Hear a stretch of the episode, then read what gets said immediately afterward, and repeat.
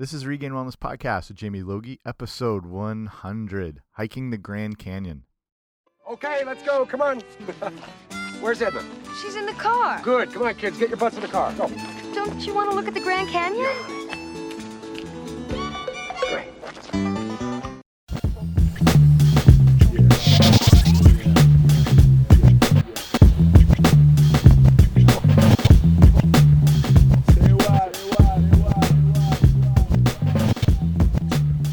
Guys, what's happening? Welcome back to the podcast. I'm Jamie Logie. I run regainwellness.com, and this is the Regain Wellness Podcast. So thank you for joining me here on the 100th episode.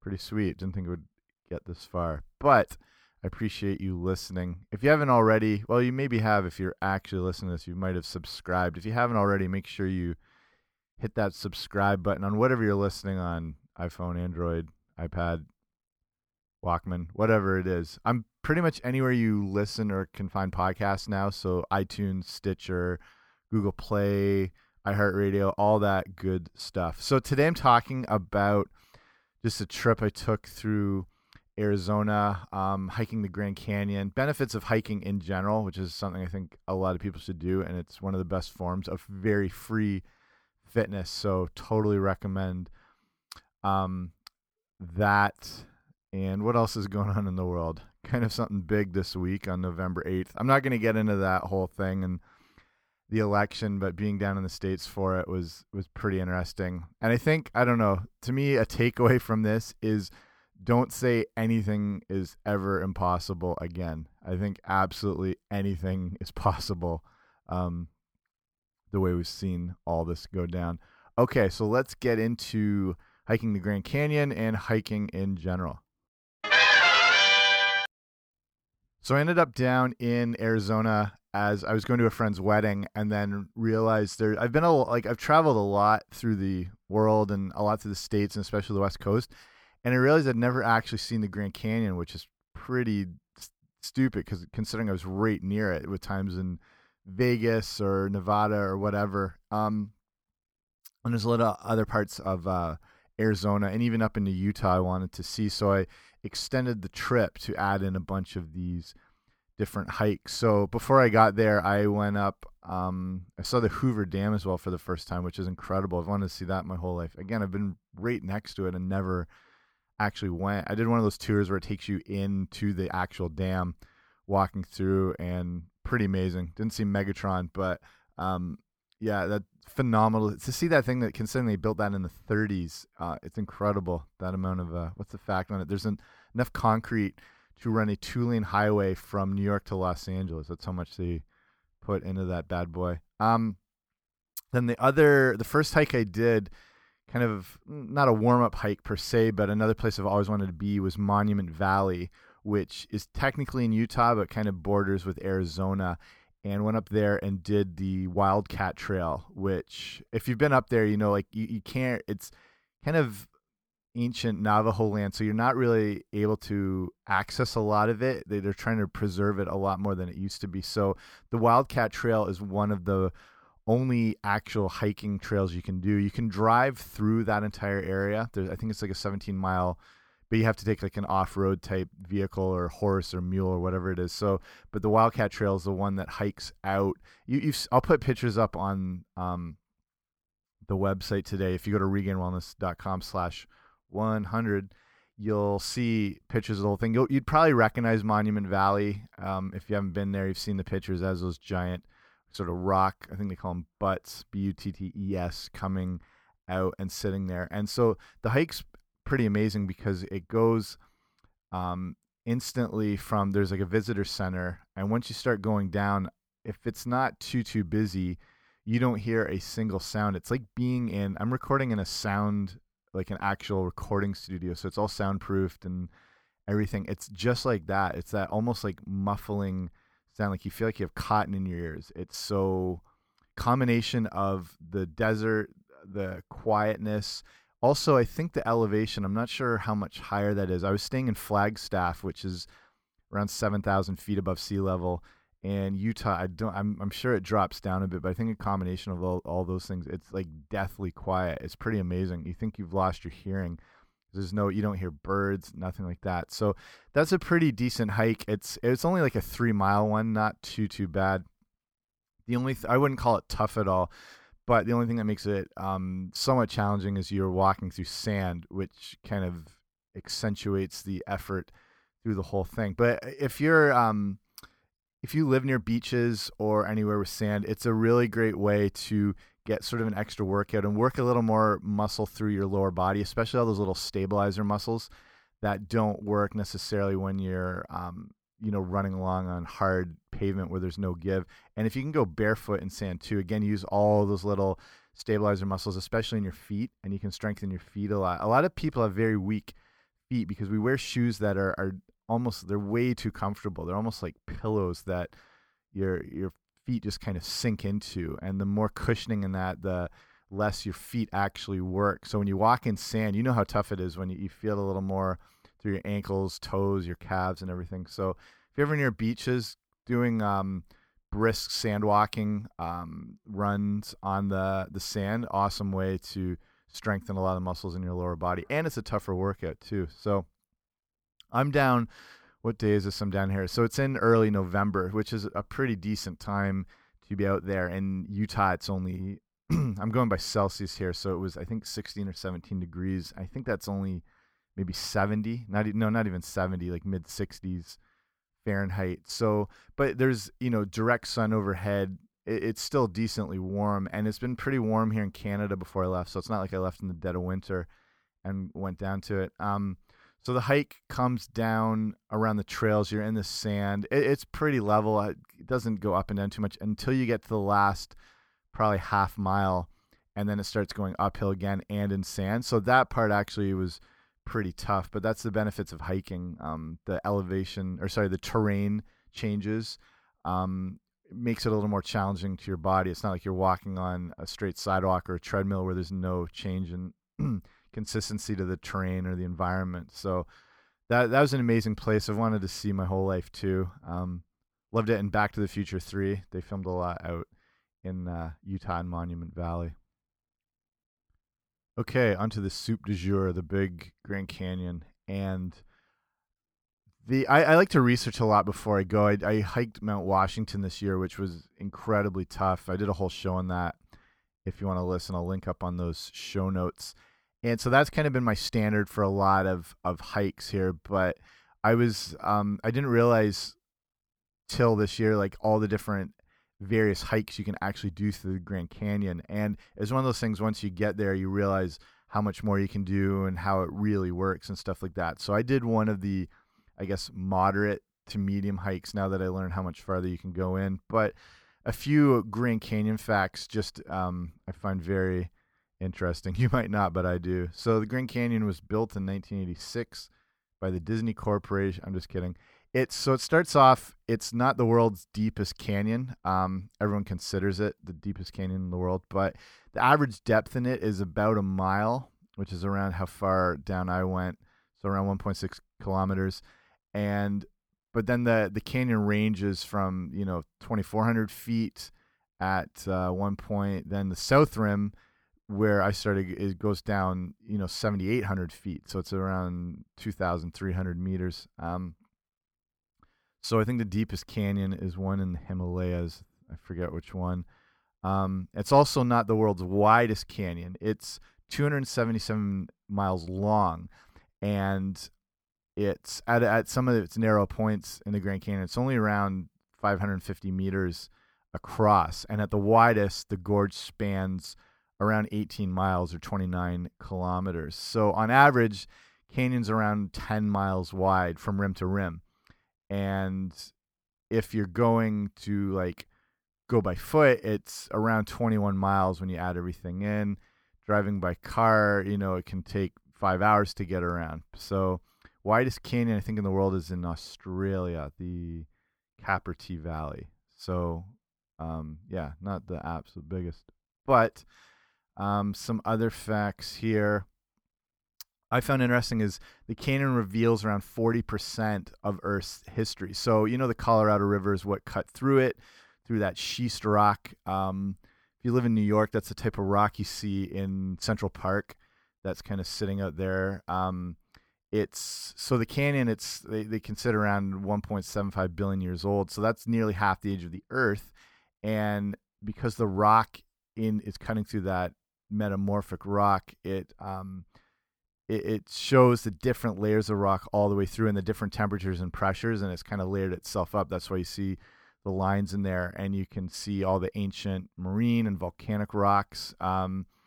and that's why geologists like to camp out there and make their year-round base of Grand Canyon because there's so much history contained in that sedimentary rock, um, and it's relatively unaltered. Um, and it stopped around 230 million years ago. Th- sorry, 230 million years ago. So those different layers, you know, they're older than the dinosaurs, and though they haven't actually found dinosaur bones we found in the park, but there's really old fossils, and even up to recent fossils, like 11,000 years ago, they have these old these weird sloth-like creatures that lived around that time. They've been found in the, the canyon caves. Um, so it's cool because you just see the different layers and um, all the way up. So it's it's kind of like a snapshot of the Earth's history. We've got what else is there? They have pink snakes. That's really interesting. I didn't see any. There's actually even debate on how the canyon was formed. Like I said, the Colorado River um, the evidence suggests it broke out of the west end of the Grand Canyon around 5 million years ago and not any sooner. But with that time constraint, there's a actually heated debate about what the canyon looked like in the millions of years before this kind of set point. So they wonder did the river carve the canyon all at once, or was there an ancient gorge waiting for the young river ready to sort of, you know, capture its flow? Um, and there's one recent study found some rocks at the western end were eroded and exposed at the surface 70 million years ago. So one of like all this stuff I had no idea about. I thought it was kind of set in stone. That's a terrible joke. I did not intend. But you, you go into the museums there, and there's still a lot of confusion and debate over the thing. When I thought they had, you know, kind of discovered all it needed to uh, be known about it. Other facts is the Grand Canyon creates its own weather. Um, that's pretty amazing. I thought like just there's a lot of change in elevation. So the the at the top where I started is a lot cooler because it's a higher level, like above sea level, compared to down in the bottom. So there's a huge change just in the temperature, um, and that elevation changes has impacts on precipitation. So the weather at the top is different than the bottom. It's really weird once you're in there and you actually feel it as you go down the levels. Um, other facts. Um, there is um, there's there's no fish in the river, which is really weird. There's there's an actual town in the Grand Canyon.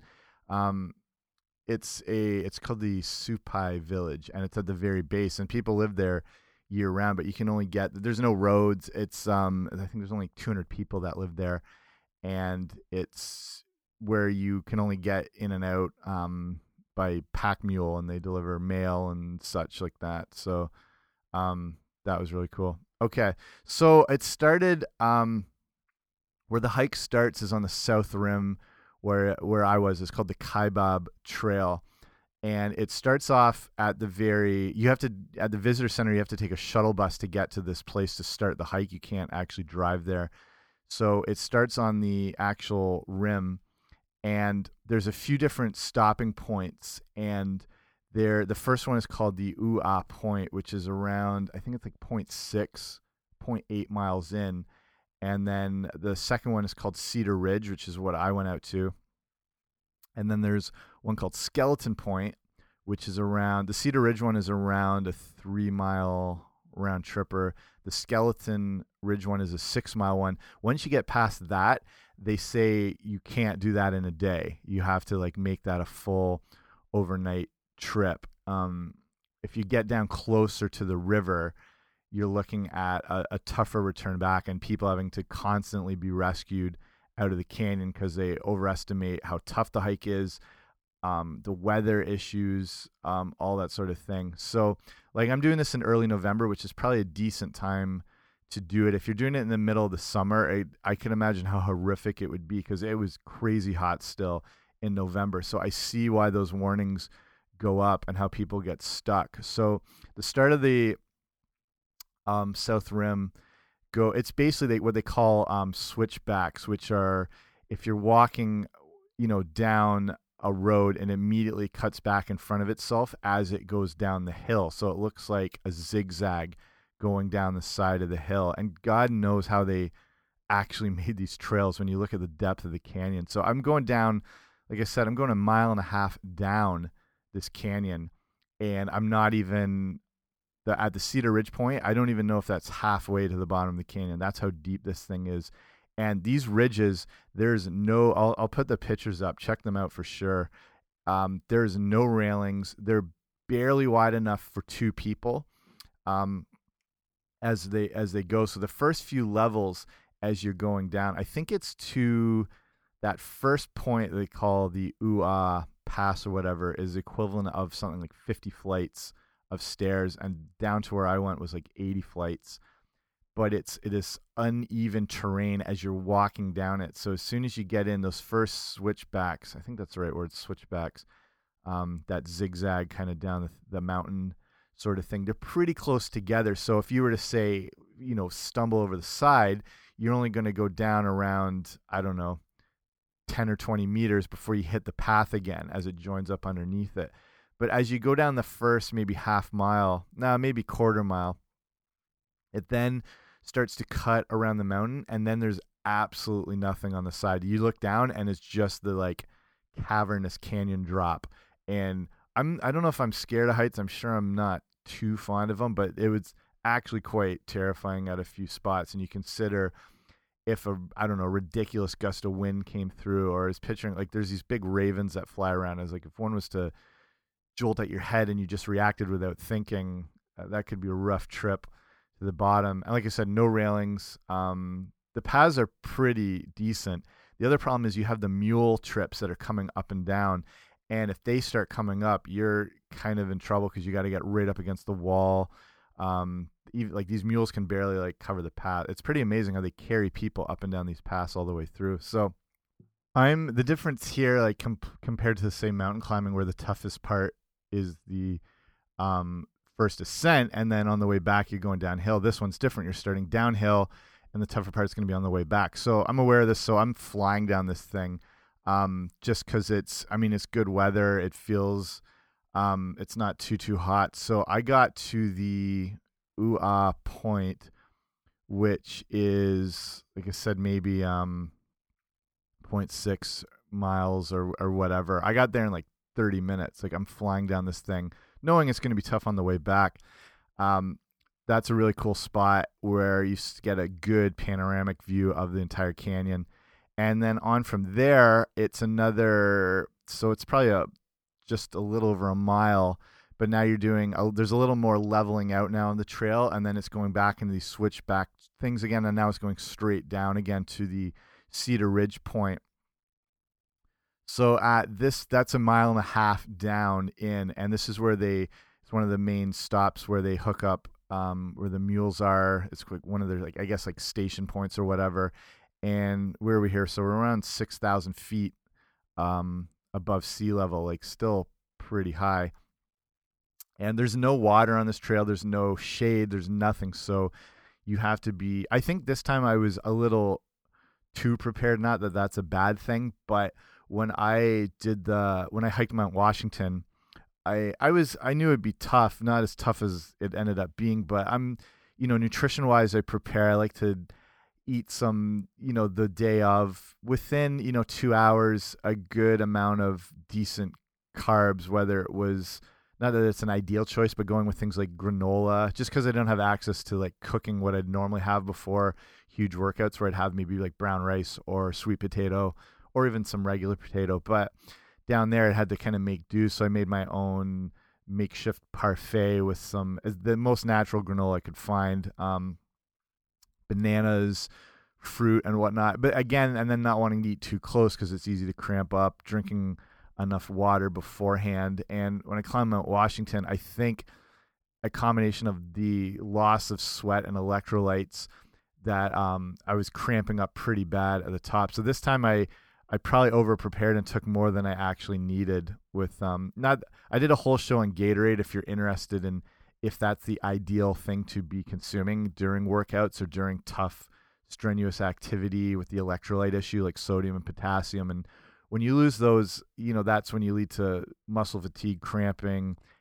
That happens just from a loss of water anyway. Like a loss of water affects um, athletic performance muscular endurance all that thing. So they do go hand in hand especially in super hot weather. It is a good idea like this is like really hot. Most of the time gatorade is probably not worthwhile like if you're just working out in the gym. But if you're doing intense outside high heat activity where you're sweating buckets, that's where sports drinks can have their place because of that electrolyte um, replenishment. And so with this one, there's no water on it, so I brought a backpack with water, a, a vitamin water. Those have okay electrolyte um, combinations in them, and some B vitamins and things like that. I brought bananas. I brought a little bit more granola. But because I'm flying through this thing, I didn't have that much water. Um, I think I stopped at the Ooh Aah point just for some pictures and whatnot. Maybe took a few sips.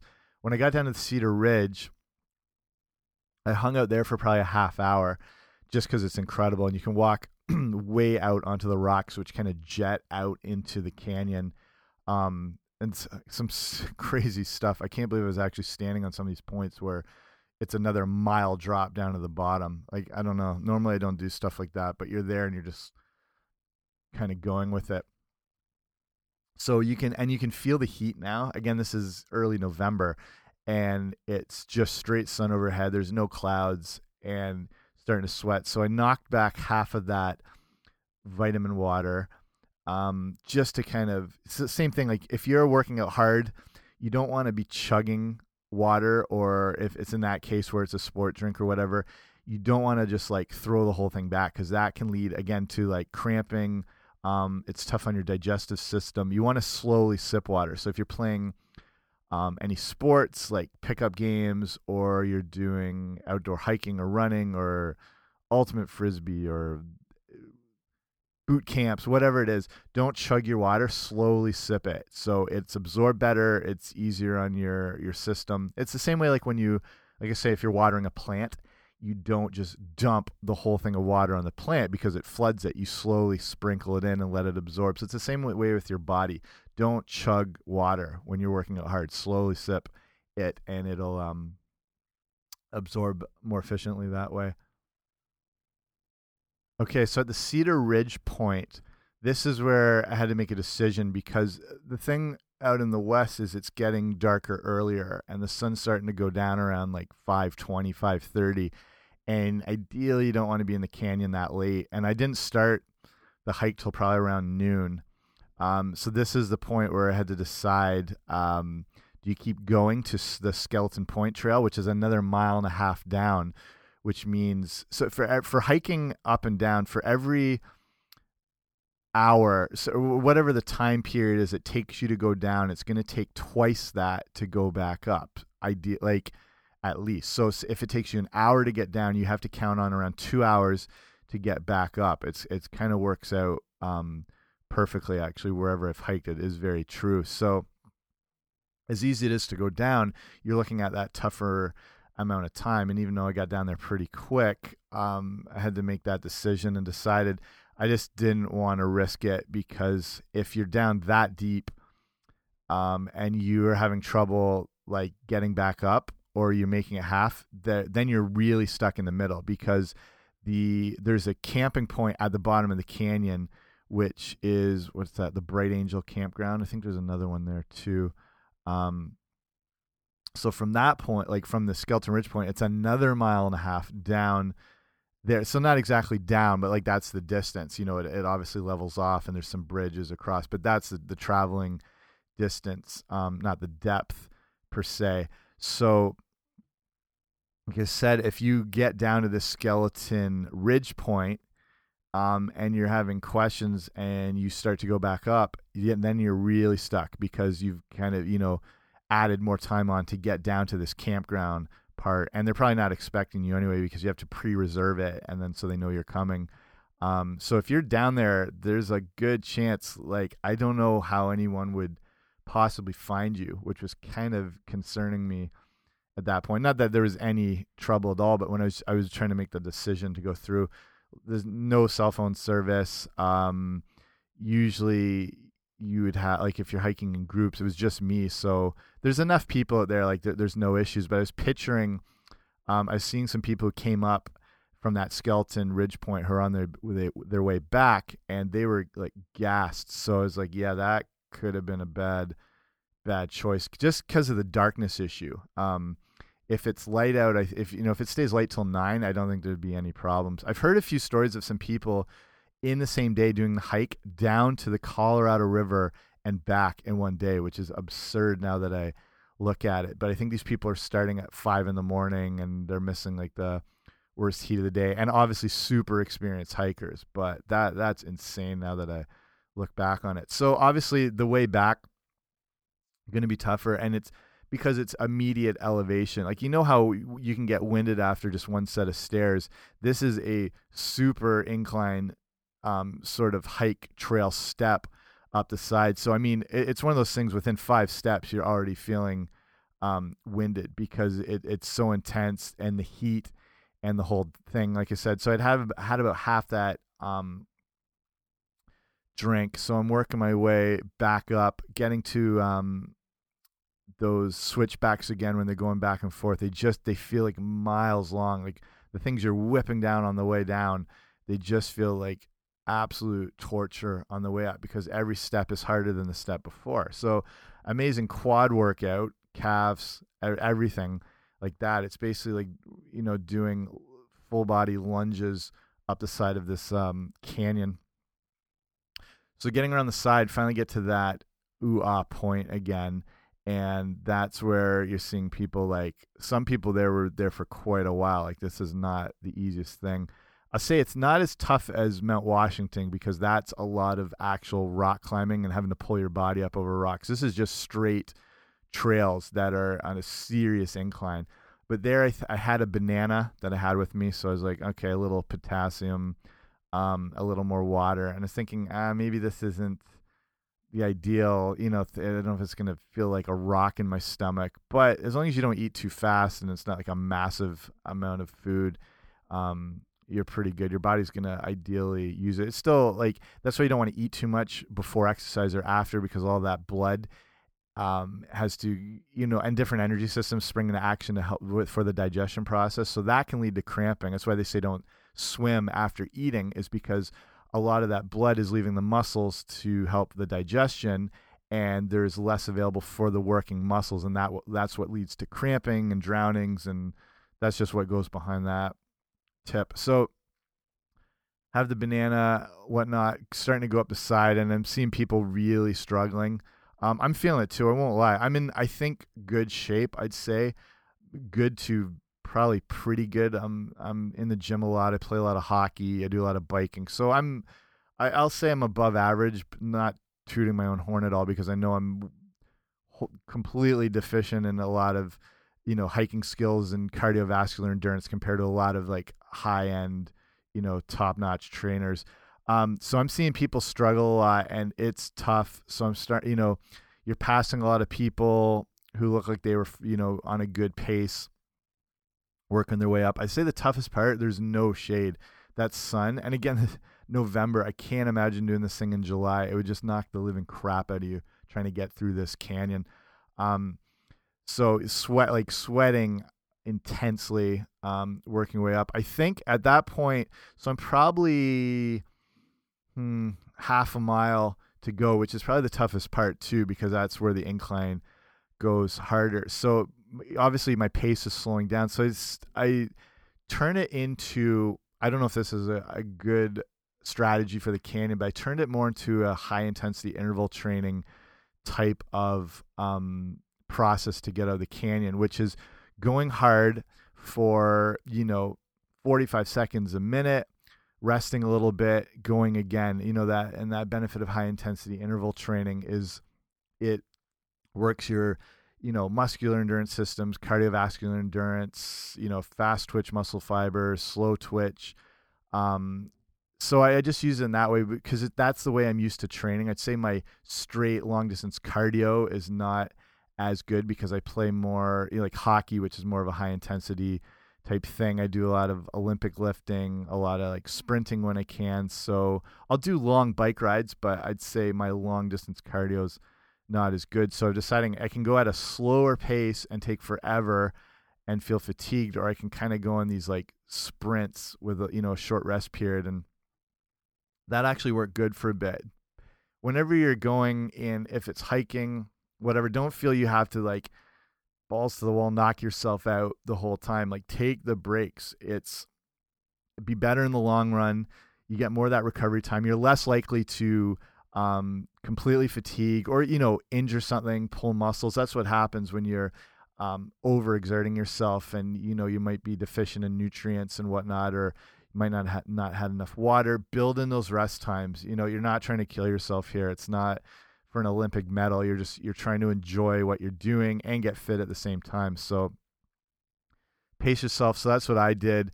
Building those rest times. I was, I was feeling that was kind of getting my energy back. I, like when you play hockey, it's kind of the ultimate in high intensity interval training.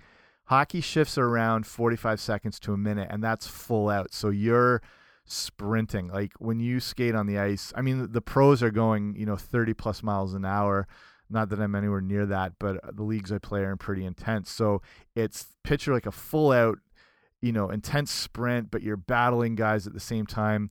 You go back to the bench, you rest like, you know, a minute and a half to two minutes, and you go do it again. So that's my body's a little more accustomed to that style of exercise. So that was working well to kind of um, not feel absolutely run down. And then after a while, I was getting a little more into a better rhythm and I was able to go longer on the way up.